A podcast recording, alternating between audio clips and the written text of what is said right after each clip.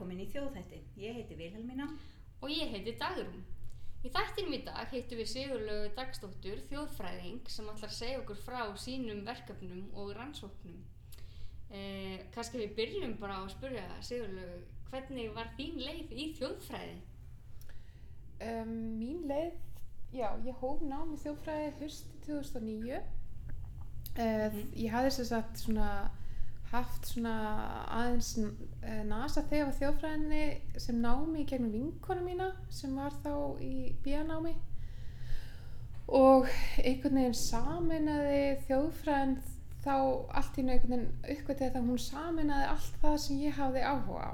Hún saminaði einhvern veginn sögu en líka bókmyndir og líka hérna munlega hefð og, og svo hafði ég brennandi áhuga á sögnum svo, þó svo að ég hafi svo síðar ekki rannsaka sagnir að viti nema bara tekið skildukursa í því eins og aðri þjófræðinemar en hérna en það voru svona sagninar sem hilluðu mig og urðu til þess að ég fór í þjófræðina og ég hafði alveg frá því að ég var krakki haft sko svona, já, mikinn áhuga á þjóðsagnarsöfnum, las allan Jón Adnarsson og, Óla Davíðsson og eitthvað svona.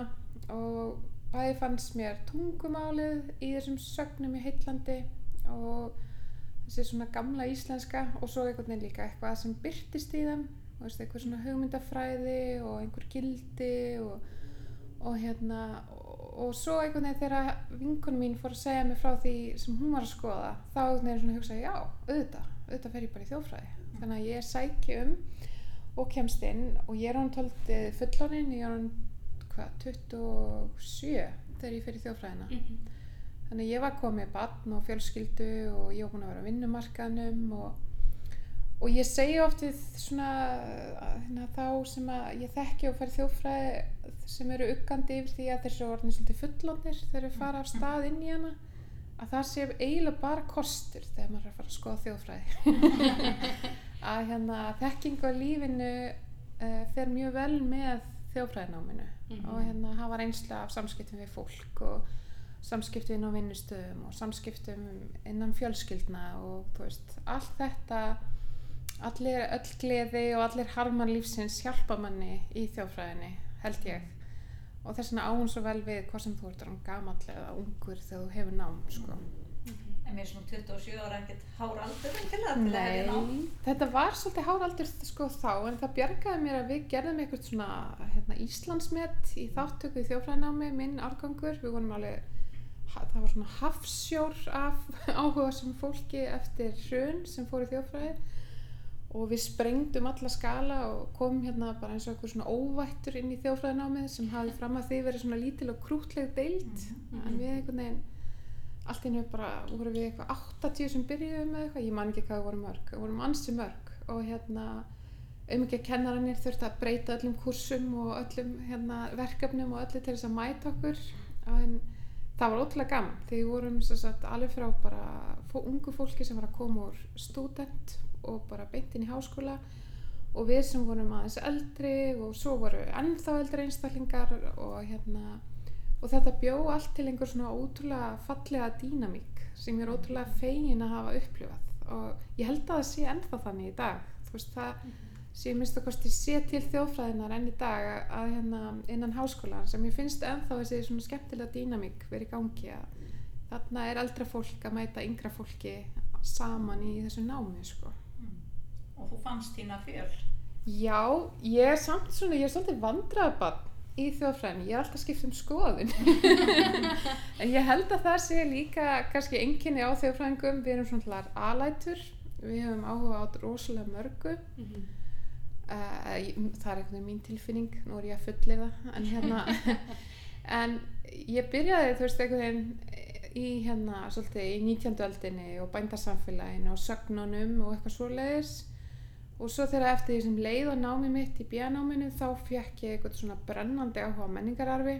Mér fannst þessi orræða, þessi pólitík þessi hugmyndafræði um menningararfin svo ótrúlega áhugaverð og hérna og líka einhvern veginn ég hafði aldrei séð menningararf með þessum augum áður. Ég hef einhvern veginn bara hort á menningararf sem svona sjálfsæðan hluta tilverinu okkar. Þú veist, það er það sem við finnum á söfnunum það er það sem að uh, pólitíkusar veifa framann í okkur þegar þeir vilja tala um íslenska menningu veist og eitthvað sjálfsmynd okkar er byggð á honum. En svo fór ég í þjóðfræðina og, og tók hana að menningararfur þar sem að menningararfur var einhvern veginn svona tekinn. Og ég segi alltaf í gríni að hann hafi verið svona eyðilagður. Að hann var svona afbyggður fyrir framann augun mín. Og ég man alveg eftir hvað þetta reyndi á. Ég, ég stríði nú stundum hérna kennaranum á því sem þá kendi þetta Ólaður Astrika að hann hafi drepið sveitarómantíkina innra með mér. Þegar hann tók menningararfin og einhvern veginn svona afbyggðan og benti manni á að sko menningararfur er raun og veru bara eitthvað einhver ímyndaður hlutur eitthvað sem við sköpum sem fólk ekki eitthvað sem við getum gengið að sem sjálfsögum hlut. Ekkert verður bara menningararfi bara af því bara. Einmitt. Þú- við tökum það og búum það til og hérna og, þess, og þá enda ég líka á því hérna, að skrifa um menningararfi í bíaríkjörinu minni Mhm. og hérna það tók ég fyrir náttúrulega ég er eitthvað svolítið föst í þessu með að taka fyrir svona mjög gaman að, að skoða það sem er svona einhver hitamál eða eitthvað sem skapar pínu erfileika í samskiptum fólks og eitthvað svona það hefur alltaf heilla mitt aldrei Mhm. og hérna og ég tók fyrir þessu deilu um, um rétt, hlaðna rétt í sveitinu minni, ég er sérst alin upp í Aðaldal, Suðuðingaðsíslu og þar er rétt sem heitir hrunnsrétt og er sérst aðalskilarétt uh, sveitarinn minnar og hérna og það kemur sérst upp deila um hana bara snemma já, í raun og veru frekar snemma á, á 20. öld og hérna og svo deila viðhelst í marga áratví og hérna og líkur raun og veru ekki fyrir henni kringum 2000 og hérna og ég tók þetta fyrir þess að styrikerinni minni Og um hvað snýrist þessi deila? Sko, þessi rétt, þessi hraunsrétt, er mjög gömul. Uh, að það er byrjað að nota hana á 19. öldinni, fyrst reyndar í annari mynd og annar staðar í sagt land, landi bæjarins hrauns í Aldal. En síðan er þess, þessi eiginlega rétt byggð, þannig undir lok 19. aldar og, og hún hefur alltaf sérst, verið notuð sem aðalskilarétt þessa svæðis og svo náttúrulega eðlilega þú veist, sáu menn að annars þar var fólk að nota annars konar skilaréttir þess að það voru réttir sem voru byggðar úr trí eða, eða hérna stiftar jáfnvel uh, og voru ekki hlaðnar og þörnust þess vegna ekki eins mikið viðhalds og hérna og það tók marga dag á hverju sumri að viðhalda hraunsett þannig að hún væri fjárheld sko.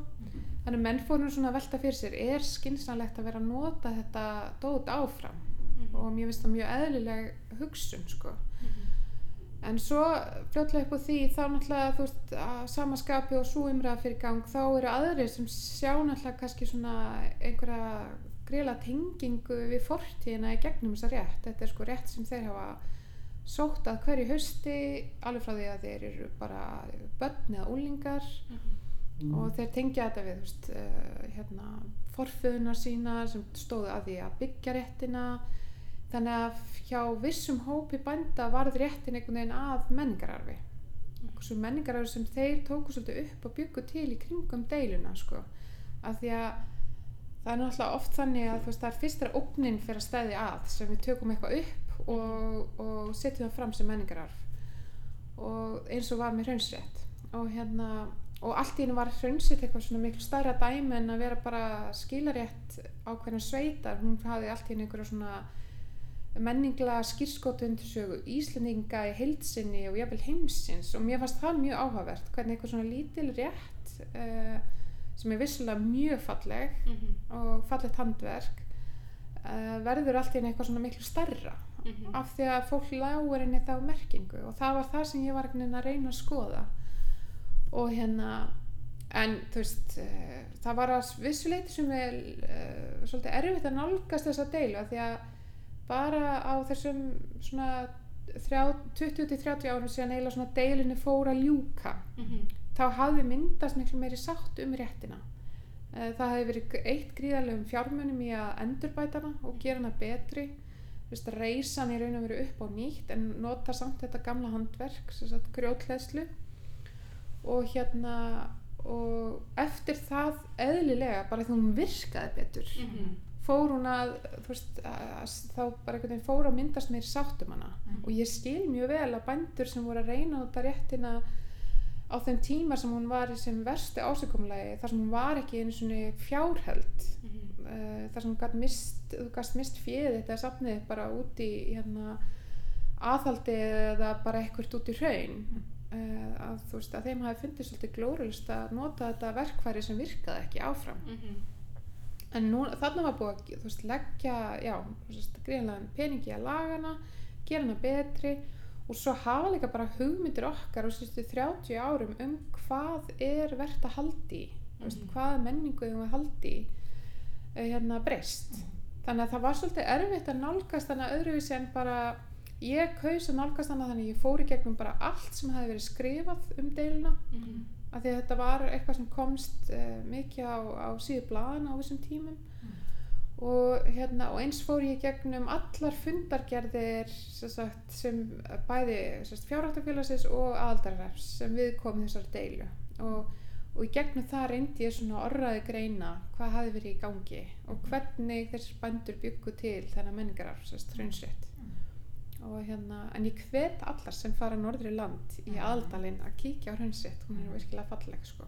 En hún er notuð í dag? hún er notið í dag Já. og hérna ódálítið merkilegt að hún er svona gömul og náttúrulega mjög gaman að hún er búin til úr þessum efnivið sem hún er búin til, bara hrauninu uh, og hlaðin inn í svona náttúrulegum svona uh, eiginlega svona já, hraun ring í raun og veru sem nýtist sem sko aðhaldið þar sem fyrir er gengt áður en að reki er inn í rétt Mhm. þannig að hún er hérna bæði geymur hún bara mikla sögu uh, og svo er hún líka bara náttúrulega, hún geymur líka minningar eins og allir staðir sem hérna svona eru menningararfin eru st staðir í umhverju okkar veist höfum, það er einhver tenging við forfeður, við minningar, við sögur við sagnir, Mhm. veist þannig að hún einhvern veginn hlutgerir þetta Mhm. og hérna sem er alltaf mjög merkilegt við svona staði sko. En ný rétt hefði sjálfsagt gert það líka sko, eftir einhvern ákveðin tíma Já, fengið nýjar sögur og nýjar tengingar. en svo ekki gleyma því sko. en, hérna, en ég er náttúrulega mjög þakklátt að bændur uh, sá eitthvað, verðmæti í henni og vildu varvita hana og halda áfram að nota hana en þetta var að því í raun og voru sko, meiri hluti þeirra sem að hérna, höfðu eitthvað um hann að segja og gott og greitt atkvæði um að nota hana Mhm. áfram eða ekki Mhm. Það voru ekkit endilega fólki sem vildi halda í hana sko. Mhm. þannig að þá fór líka spurningin að vera sko, hver á menningararf eins og hraunsett er það allir aðaldalgar eða er það bara þeir sem nýta réttina og hérna, um þetta var líka tekist á um sko. hérna sem er bara svolítið gaman svona þegar maður setur það í eitthvað svona stærra samhengi ef við förum að horfa á borgirnar okkar eða minnismerki eða veist, hver má ákveða Mhm. og hérna og hver hefur rétt til að segja að veist, þetta er það sem við ætlum að haldi og við ætlum að sleppa þessu sko. Nú er náttúrulega eitthvað einmitt sem við erum að sjá bara aftur og aftur. Þetta er bara spurning sem að er endalaus. já, já, hvort sem um er að ræða einmitt uh, litla rétt norri landi eða borgarmyndina eða eitthvað annað Mm Og þú tókst viðtöl? Nei, ég tók Nei. ekki viðtöl, ég kaus nefnilega að gera það ekki Já. Kannski vegna þess að faði minn var mjög framarlega þessari deilu og ég vissi að ég var með hann svona, þú veist, ég kom með hann inn í rýmið sko. Mhm. Þannig ég, ég, ég kaus að gera það ekki. Ég tók sér satt orðræðina fyrir bara það sem hefði verið skrifað um deilina sem var sem betur fyrir rosalega mikið Mhm. og svo fór ég gegnum svona fundargerði þar sem var ritað um það sem hefði verið sagt á fundum. Þannig að ég reyndi að nálgast hana svona í hita augnabliksins Mhm. en ekki sko svona eftirbliki þegar fólk horfður tilbaka Mhm. að því mér fannst bæði hver ég var sitja svona ákveðin takmörku því hvernig ég geti nálgast fólk að því ég hugsaði bara, vá, ég kem með pappa bara, veist, í andlitinu, við erum lík, sko. En að, veist, hann hérna aðal barðum að réttarinnar, veist, ég myndi taka hann með mér inn í þessar aðstæður. Og svo líka það, ég hugsaði bara, veist, fólk hefur skipt um skoðun Algjörlega, já. og það má leifa fólk að skipta um skoðun, sko. Mhm. þannig að hérna, veist, ég ætla ekki að fara að herma eitthvað, einhverja gamlar syndir upp á eitthvað, eða syndir ekki syndir, skoðanir. Mhm. sko kalla það skoðanir, bara upp á fólk 30 árum setna, sko. Mér fannst það veginn ekki rétt nálgun. En sem er kannski umdænalegt en kannski ef ég hefði ekki verið svona tengd þessu sjálf persónulega þá hefði ég tekið viðtöl. Mér fannst þetta erfitt að ég var dóttir föðumis Mhm. mér fannst svona setja sitt mark á mig sem rannsakata Já. En alltaf alltaf að nálgast svona efni út frá svo mörgum áttum. Náttúrulega Já. Það er bara Já. ótrúlega áhugavert sjálfur sér, sko. Já, og orðaðgreining er náttúrulega mjög áhugaverð sko. Mhm. að taka svona texta sem hefur verið ritaður löngu setna og rýna í hann og reyna að skoða þú veist, hvaða orð er verið að nota aftur og aftur, hvað Mhm. þemu koma aftur og aftur fyrir og hvað myndir verið að draga upp á hlutunum með orðum tungumál er náttúrulega bara sko fyrir þjófræðinga er tungumál náttúrulega bara svo mikill vettvangur Mhm. og, og hérna uppspretta ógrinni, þú veist, rannsak, rannsókna og nálgana og Mhm. En, en svo ferðum við í mistranám. Já, svo fyrir ég í meistaranám. Ég fer þá undarlegu leið að fara í tvöfald meistaranám Já. og hérna, ég veit ekki hvort að það er skynsalegt eða nálgur sem ég myndi mæla með. en ég er sem sagt nýlega búin að klára uh, meistaranám í þjófræði og er svo uh, ásvo bara meistariðgerina mín í safnafræði eftir. Og uh, sagt tekar sér nálguna þegar ég er sem sagt fyrir að vinna 2011 fyrir ég að vinna á menningarmiðstu þinginga sem að rekur sagt uh, söfnin í, á mínu heimasvæði fyrir norðan. Mhm. og ég alltaf búandi í Reykjavík en alltaf að vinna alltaf á sumrin fyrir norðan í gegnum meistranám mitt. Og hérna og þá einhvern svona leittist ég inn á það að fara í tvöfald meistranám sem sagt taka bæði þjóðfræði og safnafræði Mhm. og hérna og að sagt ger ég meistaransóknum mína um sagt ljósmyndarsýningu sem að hérna ég setti upp 2018 og var svo áfram sagt, var uppi líka 2019 á menningarmiðstu þingenga á Húsveik Mhm. og, og hérna þar sem ég skoðaði svona ljósmyndina út frá svona þjófræðilegri þjófræðilegu sjónarhorni og hérna og já og, og gerði sér sett svona hagnýtt meistarverkefni eins og það er kallað Mhm. En þetta var einmitt síning á ljósmyndasöfnun hvað, Sigriðar Ingvardóttur og Ragnæða Bjarnadóttur Já, Sigriðar Ingvarsdóttur og Ragnar Bjarnadóttur. Það eru sem sagt uh, tvær, sem sagt við eigum tvö mjög falleg og stór söfn eftir þar á menningarmistu þingenga, söfn ljósmynda, en þar eru mjög ólíkar. Þar, að, leiðan, þar sem að sko, Sigriður Ingvars er atunljósmyndari og hún er sérst uppalinn á Ísafyrði en flytur 1915 til Húsækur til að fara að starfa sem ljósmyndari og safni sem við eigum eftir hana er sagt uh, safni sem hún tekur frá 1915 til 1942 sem atunljósmyndari á Húsæk Mhm. Og svo hins vegar eigum við sex albúm eftir hana Ragnhildi Bjarnadóttur. Hún er fætt sem sagt 1912 og hún tekur ljósmyndir aðalega sem áhuga mannskja hún fer samt sem áður og læri ljósmyndina á Akureyri en hérna sérst ljósmynda yðnina en ákveður hætta, hún klárar ekki próf.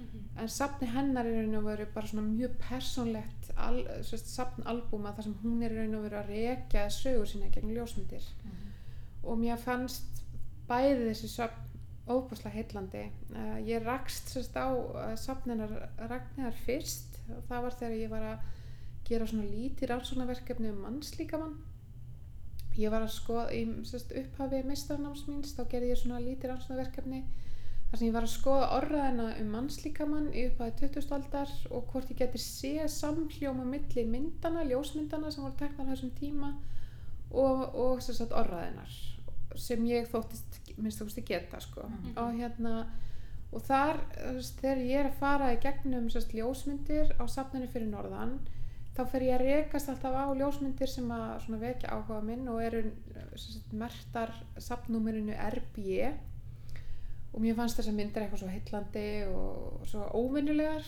og veist, bæði mjög fallegar en líka einhvern veginn svona myndir þar sem ég hugsaði bara vá, þetta er svona mynd eins og ég og vini mínir hefðum bara geta tekið í lok þú veist já, bara veist, nýjönda áratugsins eða upphaf tíund, tíunda áratugsins. Þú veist, þetta er svona úlingar að leika sér með ljósmyndavélina í raun og veru, en samt svona gamlar myndir. Og mér fannst það eitthvað svo ótrúlega áhugavert. Og hérna og kannski sjónarhorn á gömlum ljósmyndum sem ég hafði ekkert séð mjög oft sko, þú veist, hérna Þannig ég sagði þá við yfirmanni minn, hann að Sif Jónisdóttir eitthvað svona, já, var frábært að, að taka fyrir þessi sex albúm hennar Ragnæðar og gera sýningu úr þeim. Og svo er það einhvern veginn bara eitthvað svona sem að ég segi og, og svo, svo stuttur setna þá kemur Sif til mín og segir, heyrðu, eigum við kannski að skoða líka þetta samt. Og þá var þarna annars samt sem ég vissi ekki af, sem var samt Sigrar Ingvarsdóttur, sem er mjög fallegt portréttsafn Uh, það er sérst langt mest portrétt tekin á ljósmyndastofunar hennar á Húsæk en líka sérst nokkra myndir sem teknar út í samfélaginu, út á götu og, og fyrir utan húsiðinnar og, og hérna. Og einhvern veginn saman fannst mér þetta skapa svo skemmtileg samtal sérst, um ljósmyndina. Og bæði þennan sérst, þessa hverstarslegu nálgunu ljósmyndina þar að segja hvernig við notum ljósmyndina við sjálf til þess að tjá okkur eða segja eitthvað en svo líka veist, þessa hefð sem við þekkjum öll sem er ljósmyndastofan. Mhm. og hérna þar sem við komum einhvern veginn prúðbúinn og stillum okkur upp og látum taka okkur mynd. Og hérna og sko ljósmyndir hafa heilla mig alltaf. Ég er, samt, veist, er ekki lærið í ljósmyndun ég, ég hef ekki veist, lært að taka myndir eða neitt svona ég held bara að miðillin heillar mig að því að veist, ég einhvern veginn mér finnst ég einhvern veginn svona greina það að þessi miðl, ljósmyndin Mhm. hún er að verða bara svona eiginlega jafn ríkjandi í tjáningu okkar í dag eins og tungumálið Mhm. þú veist, inn á samfélagsmiðlum miðlir sem við notum þar er vissulega orðið en samt eiginlega meira ljósmyndin sko. Mhm. Og hérna þannig að þetta er svona eins og tungumál sem er að taka yfir heiminn Mhm. finnst mér. Þannig að mig einhvern veginn svona en ég held að sem þjóðfræðingur hefði verið svolítið hrætt við ljósmyndina. Mhm. þjóðfræðingar reyna ofta að halda sig í þessu svona manngerða og þessu uh, einstaka uh, ekki í þessu fjöldaframleita og ljósmyndin alltaf tæknin felur í sér það að þú getur fjöldaframleitt eh, það sem þú ert að búa til og ég held einhvern veginn að svona líka bara því að það var tækni Mhm. við, þú veist, á baku miðlinn þá var ég einhvern veginn hrætt við hann sko, sem þjóðfræðingur En hvernig er að rannsaka ljósmyndir? það er bæði brjálaðislega gaman en líka mjög erfitt af því að þessi miðl er svo almennur en á samanskapi mjög sérst, sértækur veist. þannig að ég sem einhvern veginn algjör svona áhugamannskja þurfti til þess að fara að setja mig inn í bara hvernig er ljósmynd búin til eða hvernig er tækni býra baki þú veist ljósmyndunum menna Sigriðar sem eru ljósmyndi tæknar á glerplötur sko.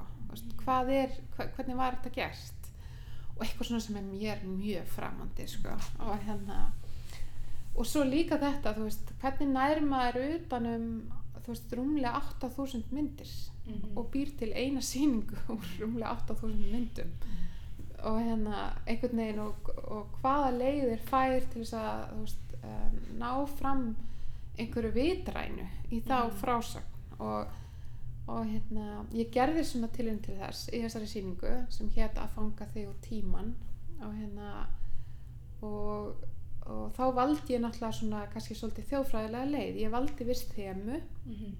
til þess að tólka þessi söfn út frá og þetta voru svona þemur sem ég fann spretta upp þegar ég fór í gegnum myndinar sagt. Hérna aftur og aftur og aftur einhvern veginn fór ég í gegnum þessar 8000 myndir. Mhm. og upp úr því urðu viss þemu þar sem ég reyndi einhvern veginn að tækla ljósmyndina sem miðil líka þeirra miðil sem við öll þekkjum. Mhm. þannig ég vonaðist til að gesturinn kæma sýninguna og myndi kannski tengja við þemun í leiðinni og hann skoða myndinar og hérna hvort það tókst veit ég ekki. Ég vona það En hvaða þemu voru þetta? Þá getur sagt okkur. já þetta voru nokkur þemu uh, meðal annars að sagt uh, svist, báðar fengu þær nú svona um, lí, þær fengu báðar svona þemur sem tengdust nú bara svona best of eins og maður kallar Mhm. Mhm. þar sem ég valdi svona myndir sem ég var standa upp úr úr söfnunum þeirra og hérna og ég hefði geta tekið þá nálgun að vera bara með þú slíka nálgun á sýningunni þar sem ég veldi bara bestu myndinar og þær fengi bara standa einar og sér sem listaverk Mhm. en svo nálgun er mér bara svolítið fjarlæg sem þjóðfræðing Mhm.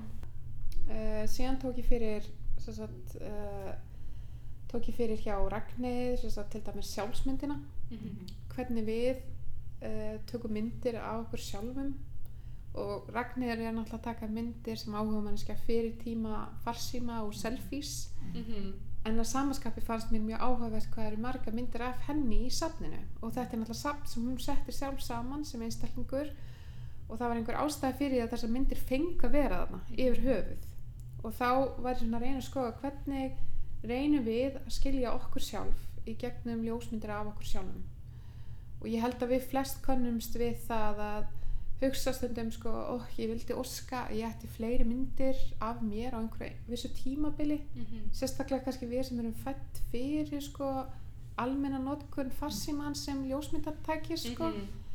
að þú veist, ég man veist, ég er alltaf að reyna að hugsa veist, hvernig var ég, var, var ég með ljóst hár eða dögt hár eða var ég hvernig var ég klætt eða hvað var ég að gera einhvern veginn fysiskt í líkamannum á þessum tíma og ég á ekki myndir af því sko Mhm. nema kannski einhverju örfáar sko mér finnst það mjög áhugavert sko Mhm. en svo er líka það sko hvort að þessi veist, sín sem ljósmyndin byrtir okkur hvort að hún er raunsunn sín á það hver við Já. vorum það er al- alveg hægt að svona diskotera það líka sko Mhm. um, svo tók ég fyrir sko svona sem sagt eh, ljósmyndina sem svona ferðafélagan Mhm. þú veist, uh, hérna, ljósmynda, ljósmyndina sem svona uh, sem sagt, te- tekur mynda af okkur þegar við erum að njóta útivistar eða tómstunda eða, slíkt sko, mér finnst það mjög áhugavert að því að maður sér það í myndum Ragnar og hún er að taka myndir. Hún, hún tók bílpróf fyrst hvenna í þingasíslum og kerði mjög mikið. Þannig að það eru mjög marga myndir af henni á ferðalagi í rosalega flott klætt með sk- í skirtu og bindi með svona alpahúfu að keira félaga sína um þingasíslur svona þau ungt fólk út að skemmta sér og Mhm. það fannst mér mjög skemmtilegt að reyna að fanga og líka bara veist eh, ljósmyndin gegnir þessu hlutverki enn í dag að við erum einhvern veginn að taka mynd til þess að staðfesta einhverja reynslu Mhm. og festa einhverja minningar um einhverja reynslu og hérna, við sjáum það á Facebook og við sjáum það líka bara í símanum okkar veist, Mhm. þegar við förum eitthvað nýtt þá reynum við að fanga það með ljósmyndinni og hérna þannig ég vildi einhvern veginn að nálgast það. Síðan tók ég fyrir fjölskyldu albúmið sem er náttúrulega eitthvað sem við flest öll tengjum og kannumst við. Kannski sérstaklega við sem erum fætt fyrir tíma stafrætnar byltingar í ljósmyndum þar sem að þessi fysisku albúm voru ennþá bara í almennu notkun inn á hverju einasta heimili.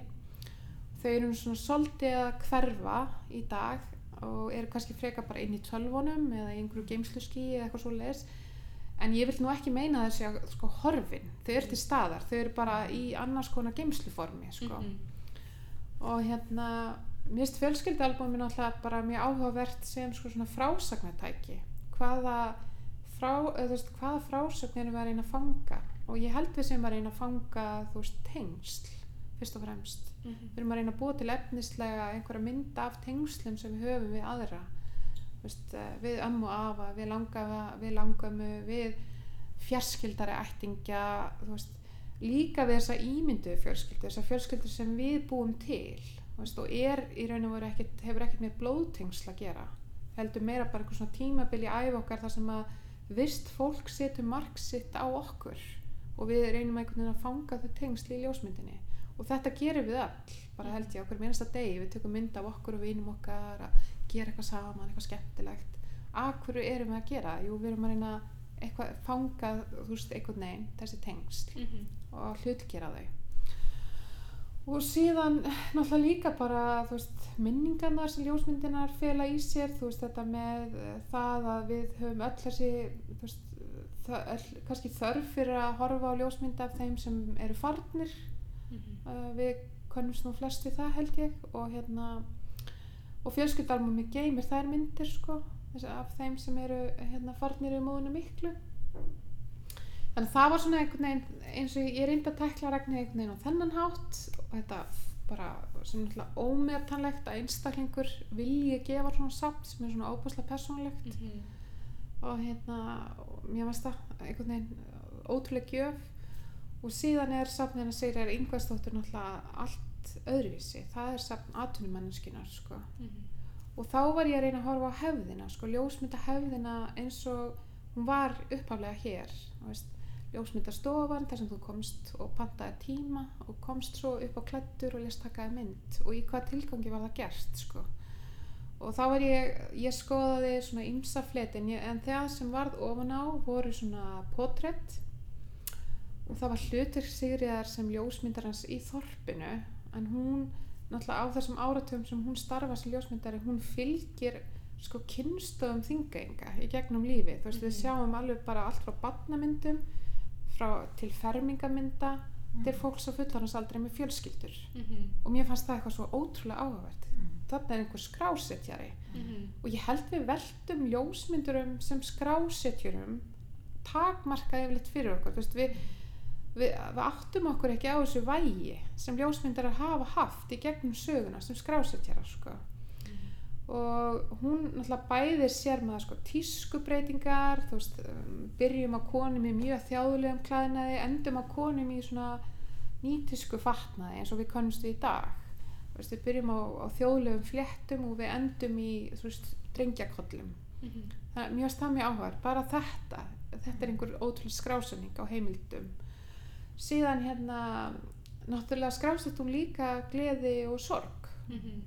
og hún hafði það hlutverk að veist, taka bæði mynd af skýrnadeginum uh, fermingadeginum fjölskyldumyndir uh, hérna, skólamyndir þar sem að hópar koma inn og, líka á stofuna og vilja veginn skrásetja þú veist, við erum hópur Mhm. þú veist, við vinnum saman við hérna, erum hérna, handknattleikslið eða við erum hérna, fimmleikastúlkur og það er einhvern veginn verið að skrásetja það og það er yfirleitt eitthvað svona gleðilegt eitthvað sem við viljum geima með okkur Mhm. en svo tekur hún líka myndir af veist, mjög sorglegum hlutum eins og dauða ungs barns eða, eða hérna ungs fólks og ég man alveg eftir þegar ég fór að fara ekki um safni hennar þegar þær myndir fór að koma Mhm. mér fannst það mjög erfitt að þegar svo hefði mér svo fjarlægt þú veist, þetta er hefði sem var mjög ríkjandi hérna í lóku 19. aldar og byrjun 20. en er okkur svolítið svona óhugnarleg í dag Já, já, taka ljósmyndir af látnu já, fólki. fólki Mhm. þú veist, við erum svolítið svona uggandi yfir svona myndum og hérna sem segir okkur kannski fyrst og fremst bara hvernig við þarf okkar er gagvart auðanum sko. um, og eins þá segja þessar ljósmyndir okkur líka hvernig við þarf þessa fólks sem liða þessum tíma var gagvart auðanum og kannski eru ein útskýringin er að dauðin var miklu nálægir í þeim og hérna, hann fór fram inn á heimilinu og fólk hugsaði um fólki sitt í andarslitrunum á dánarstundinni og svo alveg fram til grefturinnar en í dag er það fagfólk sem hjálpar okkur í gegnum þessar einslu inn á stofnunum. Þannig að við erum kannski orðin svolítið svona þetta er fjall, okkur fjallægari og svo náttúrulega líka bara það veist, þetta var kannski það eina sem þú átti til minningar um viðkomandi að því að ljósmyndavélinn var svo fjarlæg. Þú veist, hún var ekki, fylgdi ekki fólki í öllum, öllum stundum eins og hún gerir í dag. Þannig að kannski var þetta litla batið þetta var eina myndin sem var til í að því. Mhm. en ég man alveg eftir mér varst þær myndir svona svolítið svona þungar. Og ég til þess valdi að hafa ekki mynd af látnu smábarni á, á sýningunni að mér fannst ég bara sem móðir ekki geta gert það Mhm. sem að segja mjög mikið um bara þú veist, hvernig sýningastjórin er alltaf allt, þú veist, maður heldur um að það sé eitthvað búið fjarlægur en svo er maður bara, sýningastjórin er líka bara svo persóna sem að hann er hverju sinni sko. þannig að þú veist, það er erfitt að skapa vissa fjarlæg sko, á Mhm. vissum stundum í svona sýningaferli og hérna, þannig ég valdi að hafa mynd af látinni ungri konu í staðinn Mhm. og hérna já og síðan hérna tók ég fyrir sagt hlutverk móðurinnar í ljósmyndum Sigriðar það er gríðarlega fallegt samt mynda sem sagt, eh, tengt móðurhlutverkinu. Og þar eru hérna konunar mættar á ljósmyndastofuna til Sigriðar til að láta taka mynda sér með bara ungu batni eða veist, batni á fermingaraldri eða eða jafnvel sko bara eldri manneskjör með sko yngri kynnslóðum og mér langaði einhvern veginn að fanga þetta þú veist, hlutverk móðurinnar og hérna, að því mér finnst það líka að segja bara eitthvað svolítið um hlutverk móðurinnar enn í dag þú veist, hvaða áherslu við leggjum á þetta hlutverk sama hvað við getum sagt um það en þá var það til staðar strax þannig upp að 20. aldar Mhm. og síðan tek ég, tók ég fyrir sérst, myndir af, af, af litlum börnum Mhm. í samninnar af því að hún virðist bara hafa haft sem ljósmyndar fyrir gott lag á því að taka myndir af smábönnum sem var ekkert grín að taka á Mhm. glerplötur því að það er, sagt, myndin er smá tíma að taka sig Mhm. þannig að minnsta hreyfing uh, er bara í raun og veru myndin bara ónýtt Mhm. og hérna og þið getið ímyndað ykkur að taka mynd af litlu spriklandi badni á þannig tækni sko Mhm. en hún virðist hafa haft ágætt lagað því það er gríðarlega mikið að fallega myndum af litlum börnum í safnar hennar og mér fannst það líka bara einhvern veginn uh, kannski tengjast henni sem einstakling líka af því að ég leitaði mér náttúrulega líka svona vitneski um þær sem manneskjur ég valdi þó að fara þá leið að leita sko í heimildir en ekki við sko nánustu ættingja af því að mér langaði svolítið til þess að þau fengi að eiga þá sögu Mhm. veist, ég einhvern veginn sko ég horfði á það þannig að sko ef ég færi að taka vitul við börnin hennar Ragnæðar eða nánustu ættingja Sigriðar eitthvað svo leis þá væri ég að reyna að fanga eitthvað sem verður aldrei mitt þau eiga sínar minningar og sín tengsl og sína sögu um þær, þessar konur Mhm. og ég sem sýningastjóri mun aldrei ná einhvern veginn utan um það þannig ég sagði hvernig get ég náð bara tengslu við þær sem einstaklinga? Þannig ég fór í enga skjöl þeirra og ég fór í bref og ég fór í viðtöl sem hefur verið tekin við til þess að ragniði og hérna og nýtti mér skjálastafni þar og, og eins líka bara svona áttagaritt þar sem að voru upplýsingar um þar og svo hérna svona frásang einstaklinga af þeim sem að voru svona samtíma menn þeirra. Þannig já, þannig reyndi ég að ná utan um þær sem einstaklinga og hérna, ég hefði alveg getað sleppt í sko, ég hefði bara getað tekið ljósmyndinar og látið þær standa þannig án samhengis en, en einhvern veginn vildi ég einhvern veginn ljá þeim rödd líka Mhm. þannig að ég var með svona smá brot úr brefum sem til þess þær skrifuðu eða voru skrifuð til þeirra eða það er hana mjög já, skemmtileg svona ævi lýsing hérna, eða svona lýsing á barnæsku og unglingsárum sem að þjóðháttasafni varveitir Mhm. eftir Ragni og ég nýtti mér það og hérna þannig að já svo les einhvern veginn svona vildi ég gefa þeim einhver svona rödd En það er alltaf mjög áhugavert að þetta eru tvær konur sem að þú verður fyrir sýninguna. já, þetta var svona feminískur gjörningur Og það er oft svo að tala um að okkur vanti svolítið svona rattir kvenna Já. úr fortíðinni. já En var mikið að konum að mynda? Já, það var nefnilega sko svolítið áhugavert þess að tækni ljósmyndina að einhvern veginn að því að hún er svona borgarleg uppfinning, hún er, þú veist, uh, sprettur upp úr svona borgarlegum hugmyndum um einstaklingin á 19. öld, þá einhvern veginn verður hún sko eh, svona ásættanleg yðja fyrir konur borgarlegum, borgarleg stjætt sko og mér finnst það mjög áhugavert sko, af því að svo er önnur tækni sem verða það ekki en þetta var ásættanlega tækni og hérna og hér á landi voru sagt, þó nokkrar sagt, ungar konur á borgarstjætt sem áttuðu sig á því í byrjun sagt, 20. aldar og lók 19. aldar að þarna væri grundvöldu fyrir þær til að bara bæði menta sig einhverju yðju til þess að geta bara starfa sjálfstætt og unni sínum tekjur en líka þú veist til tjáningar og lisköpunar og annað sko. Þannig að hér myndast svo hefða að þetta er bara starf sem er konum opið líkt á köllum og hérna og þær voru náttúrulega aldrei eins margar eins og kalljósmyndanir og hafa því miður ekki fengið eins mikla aðtegli eins og þeir. En hérna en voru þó nokkrar.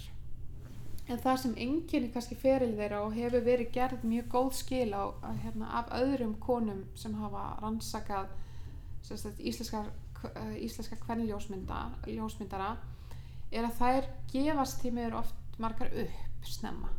Veist, þær eiga sér ekki eins langan feril eins og karljósmyndarannir um leið að þær gifta sig fara að eiga börn þá einhvern veginn detta þær út úr uh, ljósmyndinni sem yðju og fyrir því voru öruglega margar og persónlegar ástæður líka sko, en, en er, þetta er vist enginni á konum sem ljósmyndurum í upphafi 20. aldar og fram yfir miðbygg 20. aldar og hérna en mér langaði einhvern veginn, þú veist, við eigum á menningamistu þingenga rosalega flott svefn eftir kallljósmyndara líka, það vantar ekki sko Mhm. en mér langaði til þess að gera konum einhvern veginn skil kannski bara því að mér fannst einhvern veginn við þurfa að gera það og hérna og það er alltaf, þú veist, ef þú ert starfandi á söfnum held ég, þá er svona viss ábyrð sett á herðamanni að koma til skila líka því sem hefur ekki verið gerð skil áður, sko. Mhm. Og hérna, konum hafa bara því miður verið gerð minni skil á söfnum á Íslandi alveg eins og annars staðar í heiminum, sko. Þannig að það er þeimun meira áriðandi einhvern veginn að gera það þegar þú takir væri til þess, sko. Þannig já, þetta er svona einhver femnískur gjörningur. Já, mjög áhugavert. Mjög. En þú sagðir hér upp að þetta var lokaverkefni þitt í þjóðfræði Já. og hérna, þú ert með annan fótinn líka í safnafræði, Já, ekki? jú. Hvað hefur verið að skoða þar? Ah, þar, já.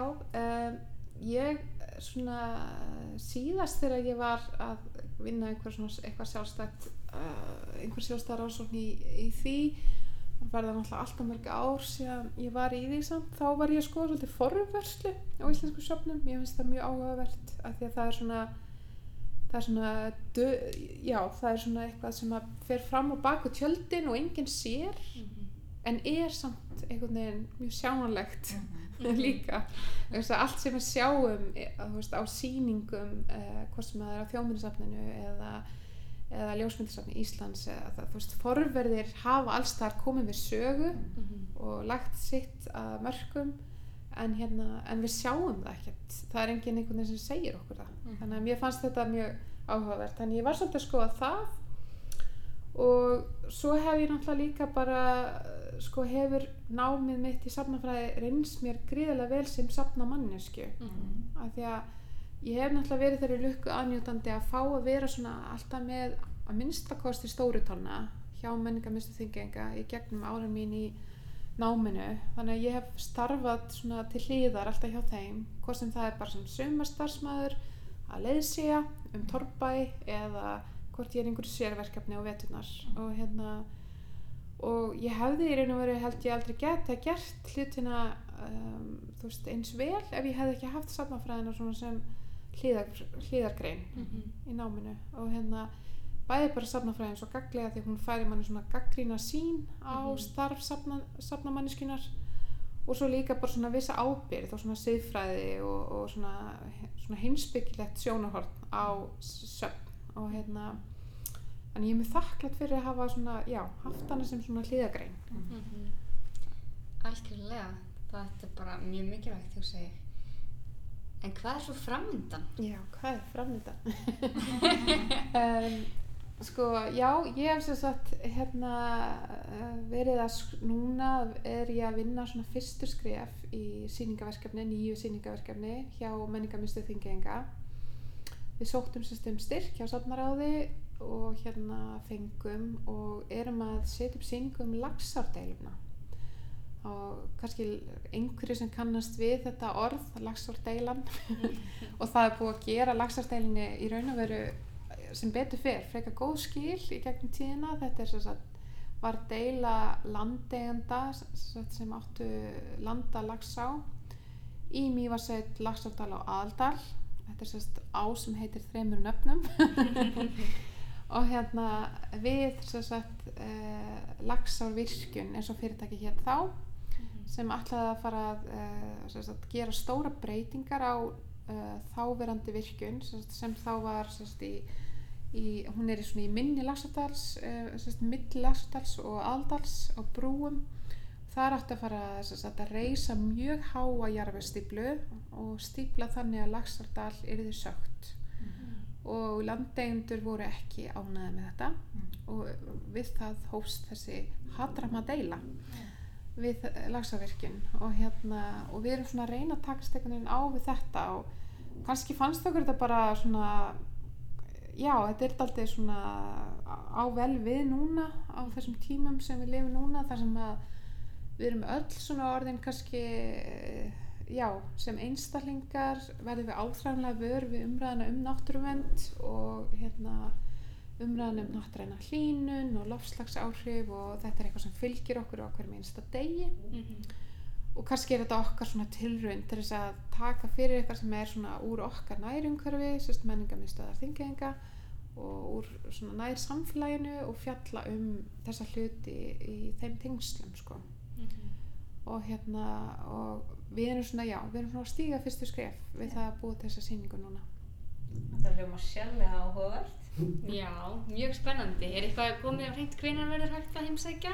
Við vonumst til þess að það verði núna á haustum og hérna og uh, vonandi tekst það í svona kannski í nóvember að opna sýninguna ef ekki þá í janúar Já. og hérna og við erum, já, þetta verður hérna, þetta er mjög alltaf svona áhugavert að fást við svona deilu svona, svona kannski löngu setna og maður hefur svona tilfinningu fyrir því bara hvernig sín okkar á íslenska náttúru og hugmyndir okkar um svona skildur okkar kakvart náttúrunni hafa breyst bara þessum áratugum síðan þessi deila átt sér stað. Og hérna og það er bara einhver- einhvern veginn svona mjög áhugavert að segja þá sögu á einhver leiti sko.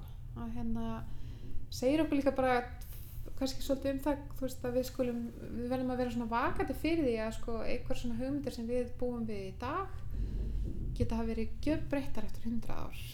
Eins og svo margt í okkar menningu sko. Og hérna og það er alveg eins með ljósmyndinar veist, eins og með náttúruna eða eitthvað svoleiðis, hugmyndir breytast bara ógnar hraða í raun og veru. Þannig að eitthvað sem er sjálfsagt í dag er eitthvað mjög óraumverulegt eftir 50 ár eða 70 ár Ég held að það sé fullkominn loka orð. Já, takk hérna. hella fyrir komina Sigurlaug, það var gaman að spjalla við þig og við fylgjum spennt með starfsemi menningar meðstöðar Þingajenga. Takk.